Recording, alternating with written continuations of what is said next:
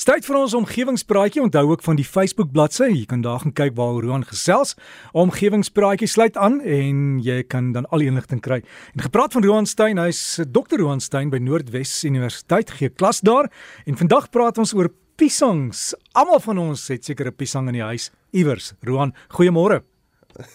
goeiemôre Derek en uh, goeiemôre aan jou ook wat vanoggend uh, ingeskakel is vir vanoggend se weergawe van omgewingspraatjie. Nou uh, nou Derek, vanoggend kyk ons na piesangs soos wat jy genoem het. Dit is so eenvoudig soos dit. So uh, piesangs en uh, die piesangindustrie in Suid-Afrika vorm 'n groot deel van uh, ons omgewing en uh, meeste vrugtelaaie in Suid-Afrika het 'n piesang wat wel daar rond lê. Maar 'n mens kan ook nou nie oor piesangs praat sonder om te erken dat piesangs en hoe mense oor piesangs voel is baie soos die debat aangaande of pineappel op 'n pizza hoort of nie. Dit is een van daardie dinge wat die uh, gemeenskap baie vinnig polariseer. Uh, of jy is mal oor piesangs of jy hou net mooi niks van piesangs nie. Nou daar is mense soos ek wat uh, wat wat hou van piesangs, maar ek hou werklik nie van enige produk wat piesang gegeur is nie. En dan is daar weer mense wat presies die teenoorgestelde voel. Piesang gegeur soos roomys of lekkers is is oukei, okay, maar uh, maar hulle hou nie self van 'n piesang skil en hom eet nie. Nou, as ons kyk in Suid-Afrika, Suid-Afrika word daar gemiddeld 402 000 ton piesangs gegroei en verkoop alhoewel die hoeveelhede baie op en af gegaan het die afgelope paar jaar. Uh wêreldwyd, as wêreldwyd kyk, uh, word daar ongeveer 117 miljoen ton piesangs gegroei en verkoop, uh wat dit een van die grootste kompeterende gewasse maak in die wêreld. En waaroor ons spesifiek vanoggend wil gesels is die bruin word van piesangs.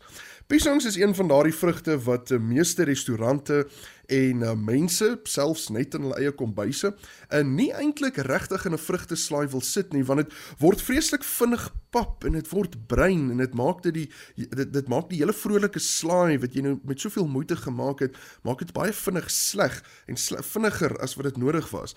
Nou um, daar's 'n baie interessante studie gedoen is nou juist waar ons vanoggend wil praat uh, wat gaan kyk het wat veroorsaak die bruin word van hierdie piesang se skil van die piesang self en hoe vinnig word dit bruin en is daar dalk iets wat ons kan doen om die verbruining van die piesangs te vertraag sodat dit dan nou vir langer gebruik kan word. Nou juis as gevolg van hierdie sal ons dit nou noem 'n 'n lastige eienskap van die piesangs word hierdie vrug baie uh, mal vermy. Uh, wat baie interessant is is piesangs wat uh, saam met ander vrugte geplaas word in 'n slaai of dalk net in dieselfde laai gesit word in 'n kombuis veroorsaak ook die vroeë ryp word van ander vrugte. Ehm um, dit is as gevolg van die etelien wat die piesang afskei uh, dit veroorsaak dat die ander vrugte ryp word. Byvoorbeeld hulle hulle word sag as gevolg van die selwande wat afgebreek word.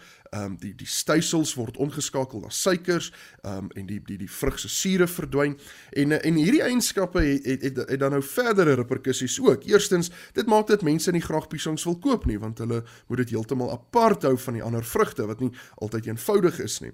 Uh dit beteken dat mense mis uit op wat eintlik 'n wondervrug is as as, as mens kyk net na die eienskappe 'n gemiddelde piesang weeg ongeveer 130 gram omtrent en het 112 kilo uh, kalorieë, uh, 0 gram vet, uh, 1 gram proteïen, 29 gram stysel, uh, 3 gram vesel en en 12% van die Vitamiene C wat jy daagliks nodig het, uh, 10% van die daaglikse kalium wat jy nodig het, 8% van jou daaglikse magnesium en die lys gaan natuurlik nou aan en aan en aan.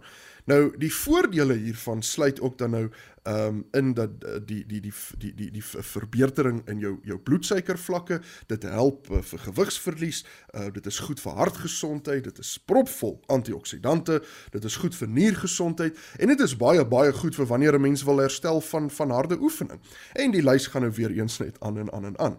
Nou, as gevolg van hierdie lastige eienskap van die verbruining van die piesang, die tweede ding wat piesang se bietjie van 'n slegte naam gee, is juis as gevolg van hierdie verbruining word daar vreeslik baie kos weggegooi gooi. Nou gelukkig in Suid-Afrika het ons nogal 'n kultuur om nie met kos te mors nie, uh veral wanneer ons vergelyk met ander lande, veral sekere westerse lande, maar nietemin daar word nog steeds 50 miljoen ton se vrugte elke jaar weggegooi wêreldwyd omdat dit te vinnig afgaan um of of die bestuur daarvan was sleg en dit kan nou nie meer verkoop word nie. Nou dit is waarom hierdie studie gedoen is om uit te vind wat veroorsaak die verbruining van piesangs en is daar iets wat ons daaraan kan doen. Nou die antwoord op die eerste vraag is uh die van piesangs wat bruin word as gevolg van suurstof en ehm um, ensimatiese reaksies. Uh ons almal het dit al gesien, die oomblik wanneer ons 'n piesang sny op die snybord in die kombuis en ons los hom net vir 'n paar minute, dan begin hy bruin word. Daardie deursnit is nou aan suurstof blootgestel, ehm um, wat die reaksies aan die gang sit en die piesang word dan nou bruin. Nou hierdie studie het ook gaan kyk oor hoe vinnig die bruinkolle op die skil van die piesang gevorm word. Nou hulle het gevind dat die bruinkolletjies op die skil van die piesang vorm min of meer in 'n 2 dag periode en 'n vermenigvuldig teen 'n teen 'n verskriklike groot tempo en dan snaaks genoeg stop dit ewe skielik en hulle is nie 100% seker hoekom nie. En dan neem dit heel wat meer tyd vir hierdie piesang om heeltemal bruin of swart te word. Nou die tweede navorsingsvraag is: is daar wel iets wat ons kan doen om die verbruining te stop of heelwat stadiger te maak? Nou voedselwetenskaplikes uh, wat hierdie studie uh, gedoen het, het dit wel reg gekry deur die piesangs van suurstof te weerhou en um, dit het gemaak dat hierdie bruin kolletjies heelwat stadiger vorm. Maar nou Derek uh, en luisteraars, uh, nou kom ons by die miljoen rand vraag uit. Wat behoort ons nou te doen? Wat kan ons doen om hierdie piesangs langer te maak hou sodat ons op die einde van die dag minder kos weggooi want dit is tog die goue draad deur hierdie hele storielyn. Nou wat ons in gedagte moet hou van piesangs wat om 'n baie unieke vrug maak is dat piesangs proe baie maklik nie meer goed as daar iets chemies met hom aangevang is nie. Byvoorbeeld, een van die idees wat al op groot platforms bespreek is, is om piesangs af te koel en te verpak waar hulle weerhou word van suurstof op verskillende maniere. Nou, in 'n mate word dit al gedoen veral die afkoeling vir piesangs wat uitgevoer word. Ehm um, maar as jy die piesangs te koud maak en jy weerhou die suurstof, dan verander die smaak onmiddellik. En dit voel so bietjie soos 1 2 3 blok myself. Jy doen al hierdie moeite en dan is die vrug in elk geval nie meer lekker om te eet nie. Tweedens, daar kan in beginsel 'n gas op die piesongs gespuit word wat die etilienproduksie staak, maar weer eens daar is bevind dat dit die smaak verander.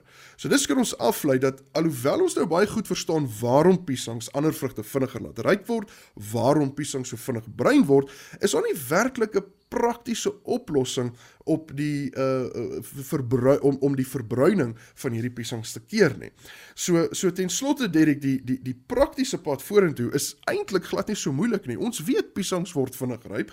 Ons uh, moet dalk net opnuut weer dit in ag neem en en om dit beplan en ons almal weet As piesangs op die rakkie te oud geword het, dan doen jy maar net wat jou ma jou geleer het om te doen en jy bak 'n heerlike piesang broodjie. Ja, dankie Roan en Roan. 'n Ander goed wat ek ook weet is dat uh die etilien in die skil van die piesang hou kokkerotte weg of maak hulle dood. En dan het iemand ook vir my gesê as jy 'n tros piesangs het, weet daar wil hulle bymekaar kom. Daai punt moet jy in 'n bakkie water sit, so jy sit hulle so 'n bietjie hoër, dat dit in water bly dan bly hulle baie lank vars. Ek het dit nog nie probeer nie. Hulle sê dit werk. En dan as jy 'n takbokvaring het, staghorn fern. Uh jy voer hom met piesangskille. Dis baie goed vir hulle hou van die potassium daar. Ja. Ja, okay, nee, daai dit, dit klink dit klink uitstekend. Ons ja, moet dit definitief probeer. En piesangs is natuurlik baie goed as mens oefen. Daai net daai ja. geoefen het, dit werk soos 'n bom. Ja, en as jy jou bloedsuikertjie so 'n bietjie laag raak, dan is so 'n halwe piesang met 5 rou neute, nie nie uh peanuts nie of grondbone nie, neute ja, hou weer daai bloedsuiker vir so rukkie reg. Wys jou ja, nou. Dit is baie was baie beter om 'n piesangkie te eet as om 'n Coca-Colaetjie te drink. ja, of 'n pilletjie te sluk, nê. Nee. Net so. Daar's hy Roan sterkte daai en ek wil nog steeds by jou weet waar is die vierkantige uh piesangs of die ronde piesangs en kry jy van hulle wat reguit is. Ons sal moet verder kyk daarna. Daar's hy's werk. Roan alles van die beste lekker piesangs eet daar. Ek dink hy eet piesangbrood vir um, ontbyt met lekker plaasbotter. As jy wil kontak maak, gaan kyk op die omgewingspraatjies Facebook bladsy. Hy plaas ek op die breakfast blad al die inligting. Anders kan jy hom e-pos omgewingspraatjies by rsg.co.za.